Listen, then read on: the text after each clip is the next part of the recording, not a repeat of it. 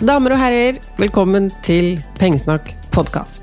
Jeg heter Lise Wermli Christoffersen, og denne podkastepisoden er til deg som har bolig og boliglån, eller vurderer å skaffe deg boliglån. Det er lov å være forberedt. Det vil si, det skulle enda flere vært.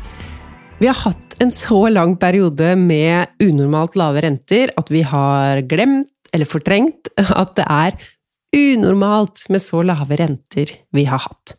Også før styringsrenta ble satt ned til null.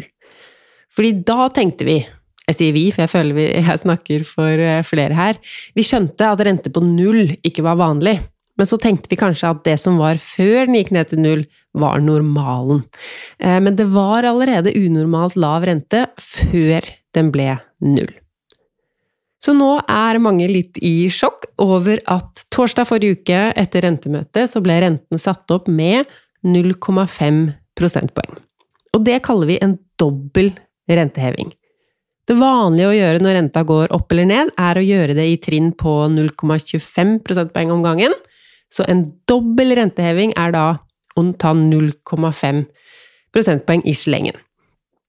Og det kan vi kanskje heller ikke si er uvanlig lenger, når det nå skjer for tredje gang på rad. De har disse møtene vel annenhver måned, så tre rentehevinger på 0,5 prosentpoeng. Til sammen da i ett og et halvt prosentpoeng opp på et halvt år. Og så skal den videre opp på neste rentemøte allerede, har de forberedt oss på. Da den første rentehevinga kom, så tenkte i hvert fall jeg ok, det var venta, Neste renteheving Ok, enda mer, dette er alvor. Og i forrige uke Hvordan skal alle takle det her? Og det skal jeg forsøke å svare litt på i dag. Jeg Har fått inn massevis av spørsmål fra dere, og det hjelper meg jo til å få med så mye viktig informasjon og få svart på det dere faktisk lurer på. Så tusen, tusen takk for den eh, hjelpen dere eh, gir meg der, ved å stille de spørsmålene dere vil ha svar på. Vi kan jo begynne med å høre hva sentralbanksjef Ida Wolden Bakke sa om rentebeslutningen Norges Bank har besluttet å heve styringsrenten med 0,5 prosentenheter til 2,25% Sannsynligvis hever vi renten igjen i november. Prisveksten har steget raskt de siste månedene og har vært betydelig høyere enn ventet. Prisveksten er klart over målet vårt på 2% og det er utsikter til at den holder seg høy lenger enn tidligere anslått. Vi setter opp renten for å dempe prisveksten. Arbeidsmarkedet er stramt, men vi ser nå tydelige tegn til at økonomien kjøler seg ned. At presset i økonomien avtar, vil etter hvert bidra til at prisene stiger mindre. Så det er eh, grunnen til eh, rentehevningen. Eh, og for oss forbrukere så er det jo sånn at sentralbankrenta er jo renten bankene får på sine innskudd. Og så skal jo våre banker bestemme sin rente ut til oss lånekunder ut ifra det. Og der fins det noe som heter eh, eller heter det varslingsfrist? I hvert fall så må det gå seks uker fra de sier ifra om at renta de går opp, til den faktisk går opp. Og i de fleste banker så går renta opp nå i oktober, men det er jo fra forrige renteheving i august. Så nå er det bare å vente på nytt brev fra banken, og fra banken sender deg varsling om ny rente, så går det seks uker til den trer i kraft. Og når det skjer, så er det jo et nytt rentemøte i november, hvor det allerede er varslet, som hun sa, at vi skal enda høyere. Hei hvor det går. La oss starte med et regnestykke. For hvordan kan vi regne ut hva dette her vil si for oss og våre boliglån? Det er fort gjort å bli litt sånn paralysert av å, høyere rente, høyere rente, høyere rente, og så klarer man ikke helt å eh, kanalisere det i action og finne ut hva vil det si for meg, og hva kan jeg gjøre med det. Men det er det veldig lurt å gjøre, så jeg skal ta deg med gjennom det her. Nå når styringsrenta økte til 2,25, vil det kanskje si en eh, lånerente på 3,5% til oss forbrukere, altså fra banken vår. Eller skal vi regne med 4% Vi regner med 4% Det er faktisk ikke å ta i. Til våren låner vi kanskje penger til 4,5 eller 5% rente. Litt synsing blir det jo når vi skal si hva slags rente vi kommer til å få, og det er det faktisk for alle. til og med sentralbanken, fordi nullrenten vi har hatt, den var det ingen som spådde. Det var jo pga. korona og alle følgene det fikk. Hva som helst kan skje når som helst, men sentralbanken mener at renta hos dem skal være rundt tre da i vinter. Og så setter jo bankene våre sin rente, som er litt høyere enn det. Så la oss regne i dag på 4 da, og så kan du jo se om du vil regne på 5% også. Det er jo sånn at siden 1% av 1 million er 10 000 kroner, så er 4% av 1 million 40 000 kroner. Så da blir det jo 40 000 kroner i økte rentekostnader per million du har i lån. Eller ikke i økte, men hvis det er 4% så blir det 40 000 kroner. Så har du 1 million i lån, så koster det, fordi renter er jo hva lånet ditt koster, 40 000 kroner hvert år. Så glem at jeg sa i økning, dette er hva det da vil koste. Så er det jo sånn at når du har lån, så vil de fleste iallfall betale inn mer enn renter hver måned. For vi betaler jo også avdrag. Og avdrag er nedbetaling av lånet. Så hvis du da har 1 million i lån og betaler renter på 4000 kroner en måned, så er lånet ditt fortsatt på 1 million. For renter er bare hva det koster å låne den millionen. Mens når du betaler 4000 kroner i avdrag, så er lånet ditt etterpå på 996 000 kroner. Oi. Så da blir det mindre. Avdragene gjør lånet mindre, renter er bare en kostnad som ikke gir deg noe annet enn lov til å låne de pengene du låner. Og etter hvert som lånet blir mindre, koster det mindre i renter, fordi det da er et mindre beløp å regne renter på. Sånn at når det bare er en halv million igjen av lånet, så koster det 20 000 kroner i året i renteutgifter, hvis renta fortsatt er 4% da. Har du derimot et lån på 2 millioner, så vil det koste 80 000 kroner i året med 4% rente. Og 5 millioner, som jo er eh, ca. det vi har, 200 000 kroner i året. Altså, i sommer var renta mi 2% og i vinter skal den bli 4 En dobling. Og ja, så da går det fra 100 000 kroner i året i renteutgift til 200 000 kroner i året i renteutgift. Men så er det heldigvis to ting som gjør rentehevingen, eller den økte kostnaden, litt enklere å takle. Hvis du har annuitetslån Et serielån er det ikke så mange som har. Men det fungerer sånn at du betaler like mye avdrag hele tiden, altså hvor mye ned på lånet du betaler, og så får du rentekostnaden på toppen, akkurat det den er. Så det kjipe med det er jo at da i starten, når lånet ditt er på sitt høyeste, så har du jo et større beløp å betale rente på, og dette er jo da aller høyest, og så blir det lavere og lavere og lavere med tiden. Og det passer dårlig for mange, fordi når du nettopp har kjøpt bolig, mange får så mye de kan til pipa, da passer det dårlig med veldig høye renteutgifter hver måned. Og så er det en forutsigbarhet i å betale samme sum hver måned. Og det er jo det som er annuitetslån, som de fleste nordmenn har. Der betaler du samme sum gjennom hele lånets løpetid. 30 år er vel maks det kan være. Så hva skjer da, når renta går opp? Når renta øker, og vi regna oss jo fram til 100 000 kroner i økt kostnad, hvis vi har dette femmillionerslånet vi fortsatt regner på, så var det 100 000 kroner i renter, og så skal det bli 200 000 kroner i renter. Hvis du legger inn i en boliglånskalkulator, det har eh, alle bankene jeg har prøvd i hvert fall, har det du finner det på nettsidene, da kan du legge inn hvor stort lånet er, og hvilken rente du skal ha på det. Så hvis vi legger inn disse fem millionene med 2% rente, og jeg tror jeg tok 25 eh, års nedbetaling, da betaler man inn til banken hver måned 25 300 kroner. Og når jeg øker renta fra 2 til 4% så betaler man inn 30 300 kroner. Altså en økt innbetaling på 5000 kroner i måneden. Men la oss se litt nærmere på rentedelen. Fordi rentene på et eh, sånt lån koster oss jo 8242 kroner i måneden ved 2 og økes til 16 483 kroner når det er 4% Den skjønner vi jo, det er en dobling. Men hvorfor er det bare 5000 kroner i forskjell på det man betaler inn totalt, mens rentedelen dobles? Det er fordi i et annuitetslån så setter de ned avdragsdelen når rentene går opp. Og det kan du se i betalingsplanen din hvis du finner en gammel en, og så nå venter på en ny en. Så ser du at hver måned så havner mindre av pengene du betaler inn, til avdrag. Så hvis det gikk ned med 10 000, 10 000, 10 000 hver måned før, så går det nå mindre ned hver måned.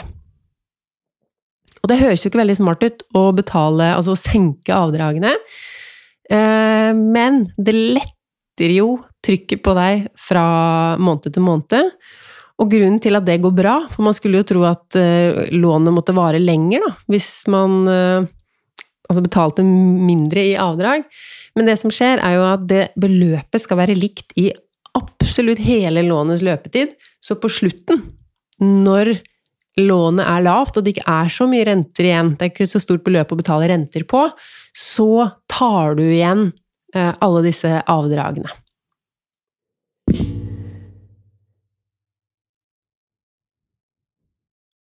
Så det er jo ikke noe du må vite alle detaljene på, men din månedlige avgift, økningen der, blir ikke så ille som det høres ut når du først regner hvor mye mer det koster. Men jeg syns det allikevel er fint å regne på totalkostnaden og årlig kostnad, ikke bare den månedlige kostnaden, selv om vi tenker ofte på den månedlige utgiften i økonomien vår. Men totalsummen her blir jo veldig mye høyere, fordi den høyere eh, totalsummen varer jo i alle årene. Men er du bekymret for at månedene fremover skal gå rundt, så er det jo veldig fint å vite. Så sjekk opp det også. Bankene har som sagt boliglånskalkulatorer på sine sider. Legg inn der hva du har i dag, og så 4 eller 4,5 eller 5% hva det er du vil regne på.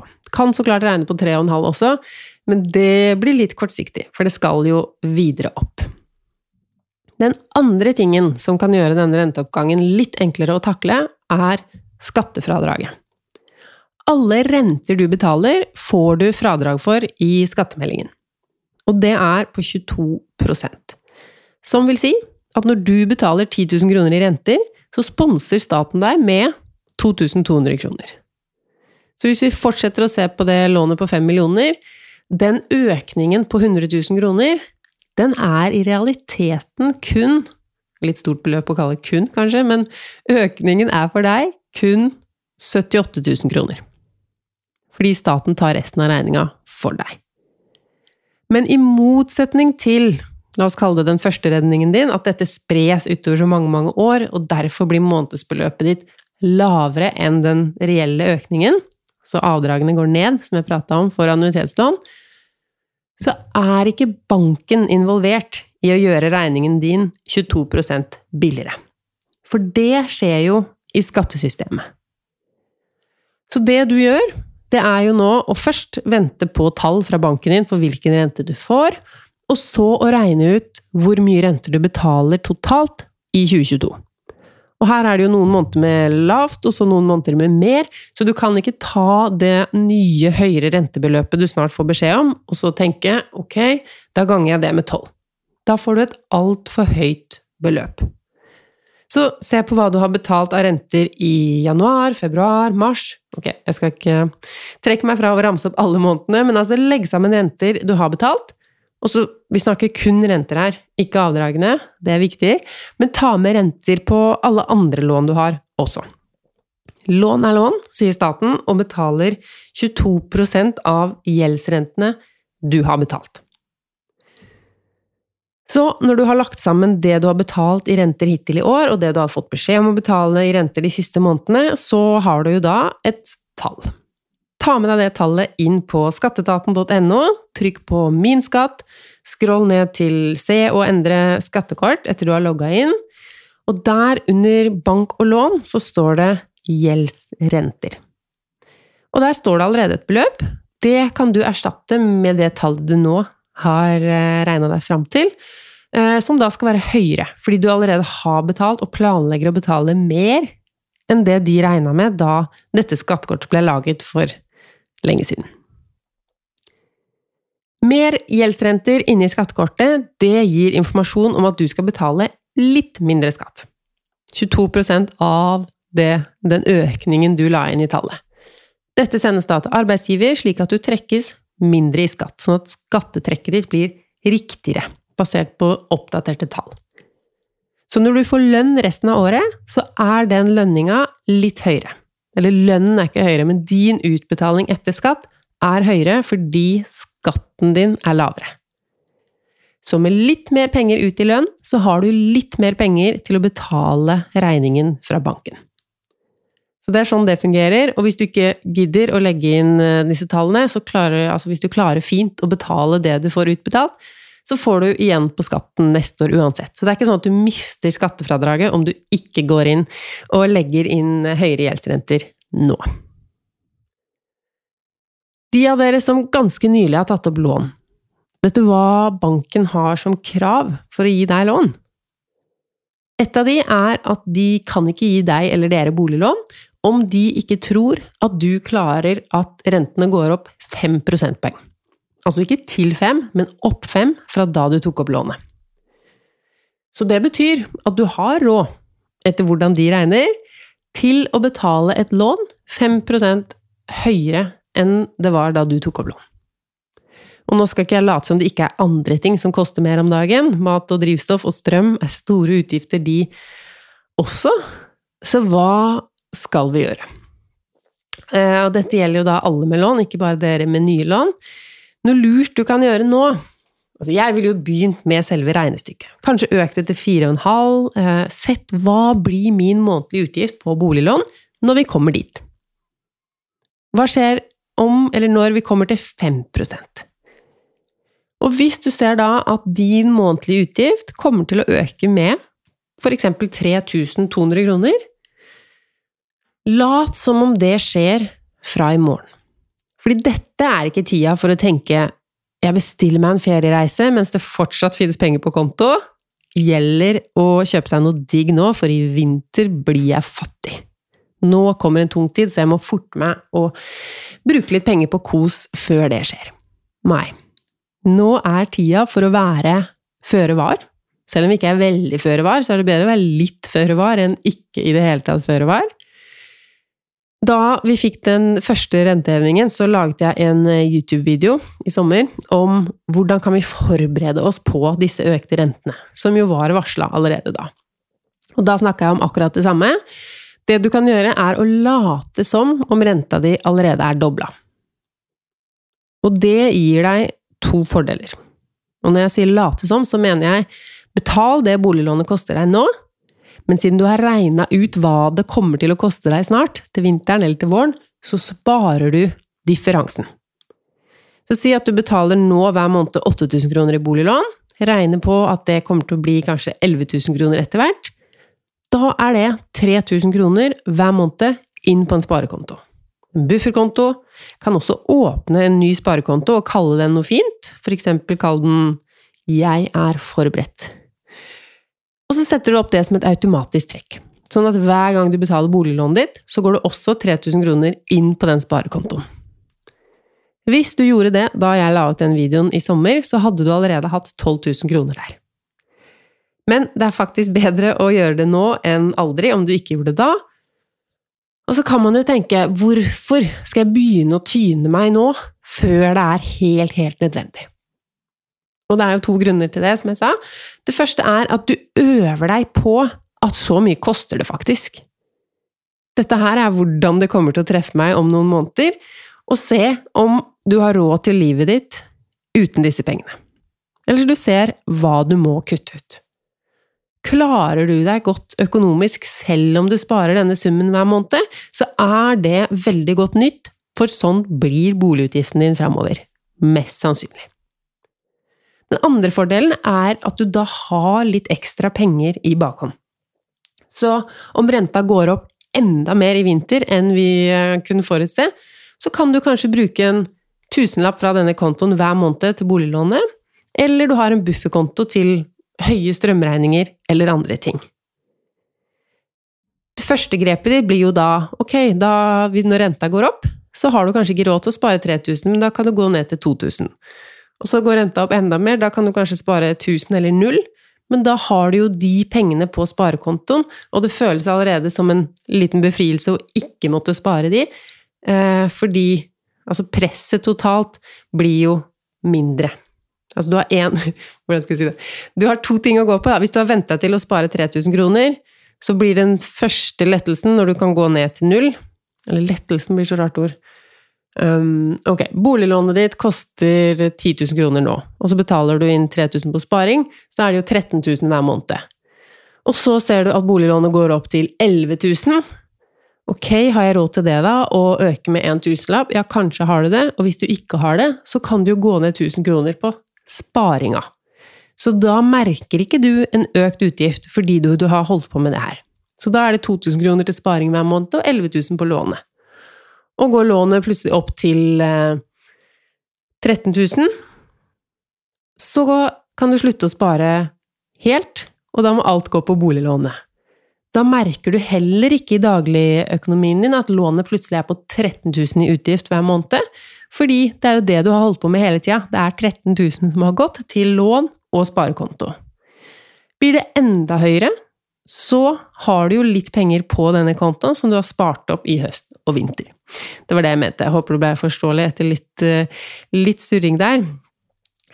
Skal vi gå over på deres spørsmål? Ja. Burde man flytte lånet til en annen bank der man får lavere rente og kan binde den? Nei. Eller flytte, kanskje. Vi går jo alltid for lavere renter. Um, penger er uh, penger, og å betale for mye for noe du kan få rimeligere et annet sted, det er tullete. Når det gjelder lån, i hvert fall. Uh, så det jeg vil du skal gjøre, er å vente. Først må du vente.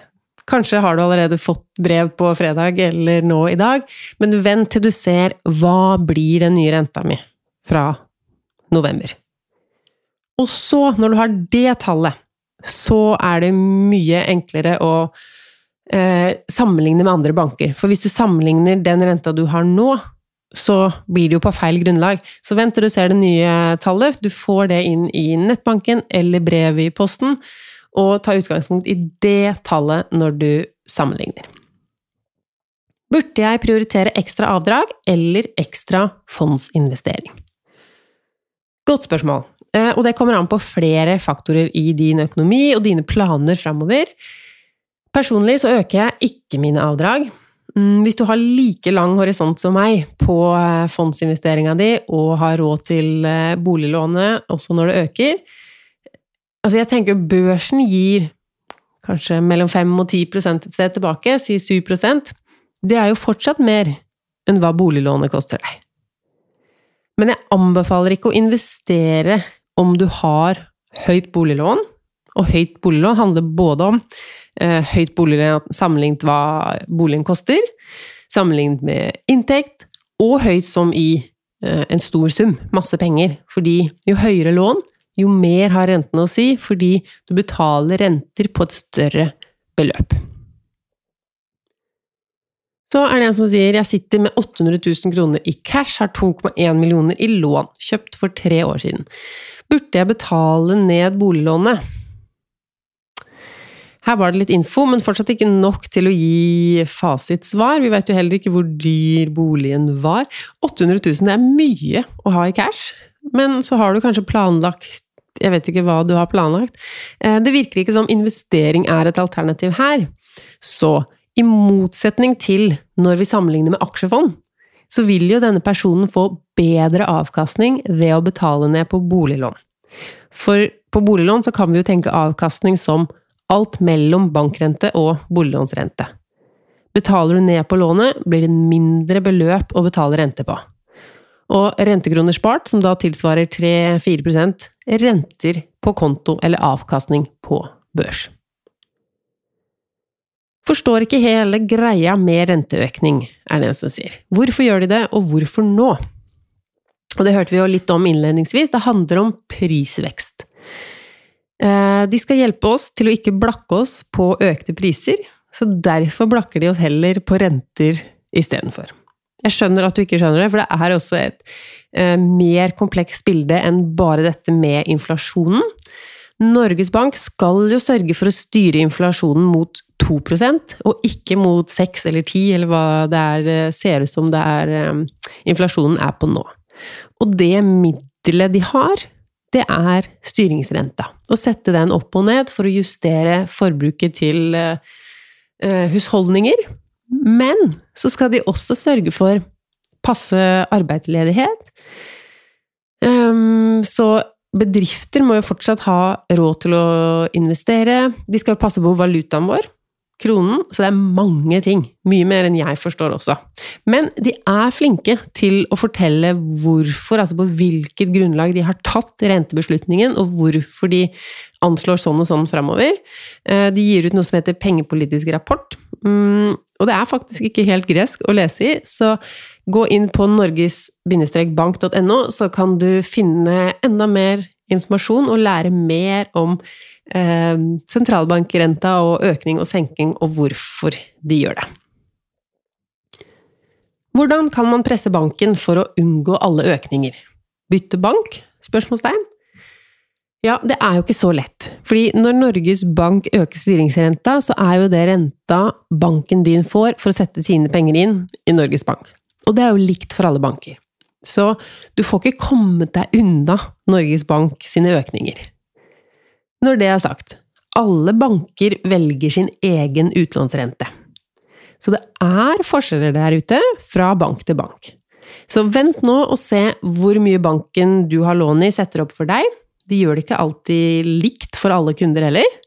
Eh, de sier kanskje i en pressemelding at det økes med fra 0,5 prosentpoeng, og den fra den handler jo da om at noen får boliglånet sitt økt med 0,5 prosentpoeng, og andre kanskje 0,7. Min bank har også to ganger i år sendt ut varsel om renteøkning, og så har de en uke seinere sagt ja, vi setter ikke opp så mye som vi først sa, her er en ny betalingsplan. Eh, og det var basert på hva andre banker hadde gjort. Så de følger med på hverandre. Og alle får høyere renter nå, men hadde du i utgangspunktet en rente som var for høy, så trenger du ikke å finne deg i at den økes og økes og økes. Så hva gjør du? Inn på Finansportalen og legg inn dine nye tall. Se om noen banker tilbyr bedre, for da får du opp en liste over ulike banker og hva de kan tilby, eh, og eventuelt hvilke krav de har til deg for at du skal få den renten. Noen ganger så handler det om å være ung, eller det skal være et grønt lån, så da er det noen krav. Så se hvilke krav som gjelder. Ehm, og når du finner den laveste renta som du kvalifiserer til å få i en annen bank, så tar du kontakt med din egen bank. Det kan du gjøre på chat eller telefon, trenger ikke noe møte, de fleste av oss. Og så sier du at du ønsker deg en lavere rente. Du kan jo si at du ser at du ble satt opp mer enn de 0,5 prosentpoengene hvis du ble det, da. Um, så kan du spørre om det er noen god grunn til det. Og så kan du si 'jeg ser at jeg kan få den og den renta i den og den banken', og at når du regner på det, så virker det veldig smart for deg å bytte bank og så spørre de i banken hva de tenker om det, eller hva som er den absolutt laveste renta de kan tilby deg. Og noen ganger så må de se på det, regne litt på det, og så eh, får du et svar. Og da er jo valget ditt igjen. Skal du bytte bank til en med lavere rente, eller skal du godta det banken din har sagt? Kanskje de ikke kan gå like lavt, men et eller annet sted på halvveien. Regn på tallene og se hvor mye du faktisk tjener på å bytte bank. Det er jo litt styr, men kanskje ikke så styrete at det ikke er verdt de pengene du sparer. En som har et innspill om syns, eh, jeg syns renteheving er mer oversiktlig enn alt annet som øker i pris. Og det kan man jo være enig i, for det er jo veldig styrt. ikke sant? Det er dette møtet, så får man vite det, og så er det seks ukers frist, så sier banken rente, og så går det opp. Ehm, så det er jo mer oversiktlig, men det er jo også mye dyrere enn alt annet som øker i pris. Burde man utsette å betale på studielånet og spare pengene til nedbetaling av boliglånet? Nei, jeg tenker ikke det. Ehm, men hvis du ser på tallene, så er jo det smart. Det jeg er redd for, da, Hvis du nå setter studielånet ditt på hold, det kan man jo gjøre, er det 36 ganger på rad uten noen spesiell grunn, og du da bruker de pengene på boliglånsrentene, så merker du kanskje ikke at boliglånene har blitt dyrere. Og du tilpasser ikke forbruket ditt, som jo er poenget fra sentralbanken at vi skal gjøre. Men hvis vi bare ser på deg som privatperson også er greit om du også får denne økte kostnaden, sånn at du vet at du klarer deg. Fordi høye renter kan vi ha kjempelenge framover. Og du kan ikke utsette studielånet for alltid. Så da har du kanskje bare oppnådd å få et litt høyere studielån, fordi det står jo og forenter seg når du har det på pause. Og så har du ikke justert ned forbruket for å få råd til boliglånet. Det er jo ikke noe drømmesituasjon heller.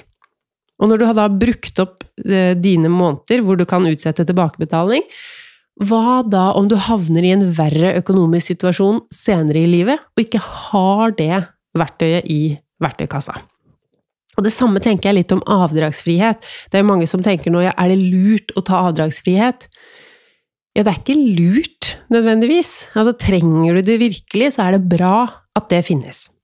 Men hvis du bruker det før du virkelig trenger det, for det første, bruker du det da riktig?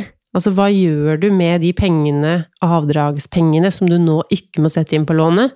Bruker du det på de faktiske rentene, fordi det er den eneste måten du kan uh, takle dette her på nå? Så er jo det kanskje riktig bruk, men hvis du bruker det for å få litt romsligere økonomi til å fortsette å gjøre hva du vil, uh, så er ikke jeg nødvendigvis Nå veit jo dere hva, hva jeg mener om forskjellige ting, men det er ikke jeg spesielt fan av det. Og så er det det samme igjen, hva gjør du når og om det blir verre? Fordi da kan du ikke ta avdragsfrihet, og lånet ditt er jo ikke betalt ned noe hvis du ikke har betalt avdrag over en lang periode. Så når rentene da øker, så har du fortsatt hele lånebeløpet og betale renter på. En som sender inn 'Jeg har fem ganger inntekt i boliglån og ingen buffer'. Hva er en lur plan nå? Spare eller investere? Eh, vi er veldig ulike på hvor stor risiko vi liker å ta. Um, hun her høres ut som en som eh, kanskje har høy inntekt og regner med at inntekten kommer bare til å øke i framtida. Altså å ikke ha noe buffer og fem ganger inntekt i boliglån, det er ikke noe sånn gullsituasjon hvis vi bare ser på det sånn, men nå veit jo ikke jeg hvordan øh, hele bildet ser ut. Men å investere hvis man ser på tall bakover i tid, så har det lønt seg. Men hvordan veit du at du får råd til boliglånsrentene når de øker? Jeg personlig ville bygd opp den bufferen. Så er det flere som har spurt hvem som tjener på renteøkningen. Og rentene, altså pengene, eh, det er jo egentlig kanskje ikke et nullregnestykke, men um, når du låner penger i banken, så har du en rente, og når du har penger i banken, så får du en rente. Så alle de som har penger i banken, de tjener jo på en renteøkning. For fra å nesten ikke tjene noe på sparepengene sine, så får man plutselig litt renter igjen nå. Skal man sette BSU-pengene inn i boliglån nå? Og der er jo svaret som før, egentlig, fordi BSU-renta er jo en av de rentene som går opp nå. Så da gjelder det å følge med på når skjer det der skiftet i at eh, boliglånsrenta er høyere enn hva du får på BSU-kontoen. Og da lønner det seg å bruke BSU-pengene til eh, å senke boliglånet. Men hvis BSU-renta di er høyere enn hva lånet ditt koster deg, så kan jo det bare stå der og tjene penger for deg risikofritt, til du velger å betale ned boliglånet med det. Det kan jo også være at selv om du har masse penger inne på BSU-en, så har du ikke masse penger fra måned til måned til å betale disse høye renteutgiftene. Så det kan jo også være en grunn til å bruke BSU-en og få lavere utgifter fra måned til måned. Bør man få takst om man har pusset opp etter kjøp? Da regner jeg med de tenker på med tanke på å få lavere rente i banken. Og der ville jeg sagt nei, ikke nødvendigvis. Fordi bankene har kalkulatorer på områder, og de kan si så spørs det jo hva du har pussa opp på, men jeg ville først snakka med banken, og hvis de sier sånn du har høy belåningsgrad, altså om lånet ditt tilsvarer kanskje det de tror er 80-90% av boligverdien din, men så vet jo du at nå er boligen din verdt ganske mye mer. Det kan være eh, en grunn til å få en ny, kanskje ikke takst, men en verdivurdering av huset. Men ellers så tenker jeg, hvis ikke banken krever det, eller at du har noe å bevise med det, og du ikke skal selge, så er det ikke noe grunn til å få en takst eller verdivurdering av boligen. Um, de fleste spørsmålene her er det går liksom på de samme tinga. Det er en som sier bandt renta i mars på 3% og er skikkelig nervøs for at det var en dårlig avgjørelse. Ja, akkurat nå så ser jo ikke det ut som det var en dårlig avgjørelse. Nå vet jeg ikke hvor lenge du har begynt bindt for, men om din lånerente er 3% det kommer jo vi med flytende rente til å overstige ganske raskt, og sikkert ha en god stund. Um, hvis du bandt renta og er skikkelig nervøs Jeg tenker at grunnen til å binde renta, det er for å slippe å være skikkelig nervøs. Du veit at din rente er 3% Om min blir 4, 5 eller 6 eh, så er det jo egentlig jeg som kan være nervøs. Du vet at din uansett er 3% Og hva hvis, da? Neste år skjer det et eller annet sånn at min rente havner på 2% Ja, da betaler du mer.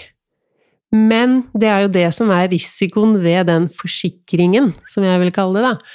Eh, du har Altså, å binde rente er på en måte å kjøpe en forsikring, og du har forsikra deg mot høye renter, så det vil du ikke få. Så jeg ville ikke vært skikkelig nervøs. Rentene har gått opp, og de går opp og opp. Og hvor lenge det varer, og hvor lenge du har eh, bindt, veit jeg ikke, men 3% Det kommer bare til å være 3% så ikke vær nervøs. Husk da, dere, at jeg er en vanlig person som prøver å forstå økonomiske ting, så ikke ta noe sånn store økonomiske beslutninger kun på bakgrunn av hva jeg har sagt. Det er ikke sikkert det stemmer 100 engang, det kan hende jeg har misforstått et eller annet. Så hør med noen andre før du gjør noen store ting, eller tar noen risiko som du kanskje ikke vet helt eh, Altså har tenkt på alle konsekvensene. Lykke til med å takle økte renter Se gjennom hva du bruker penger på. Kanskje gjør det hele oktober. Skriv opp alt du bruker penger på, for å se er det noe her jeg kan slutte med for å få en økonomi som kan tåle økte renter. Masse lykke til. Vi høres igjen neste mandag.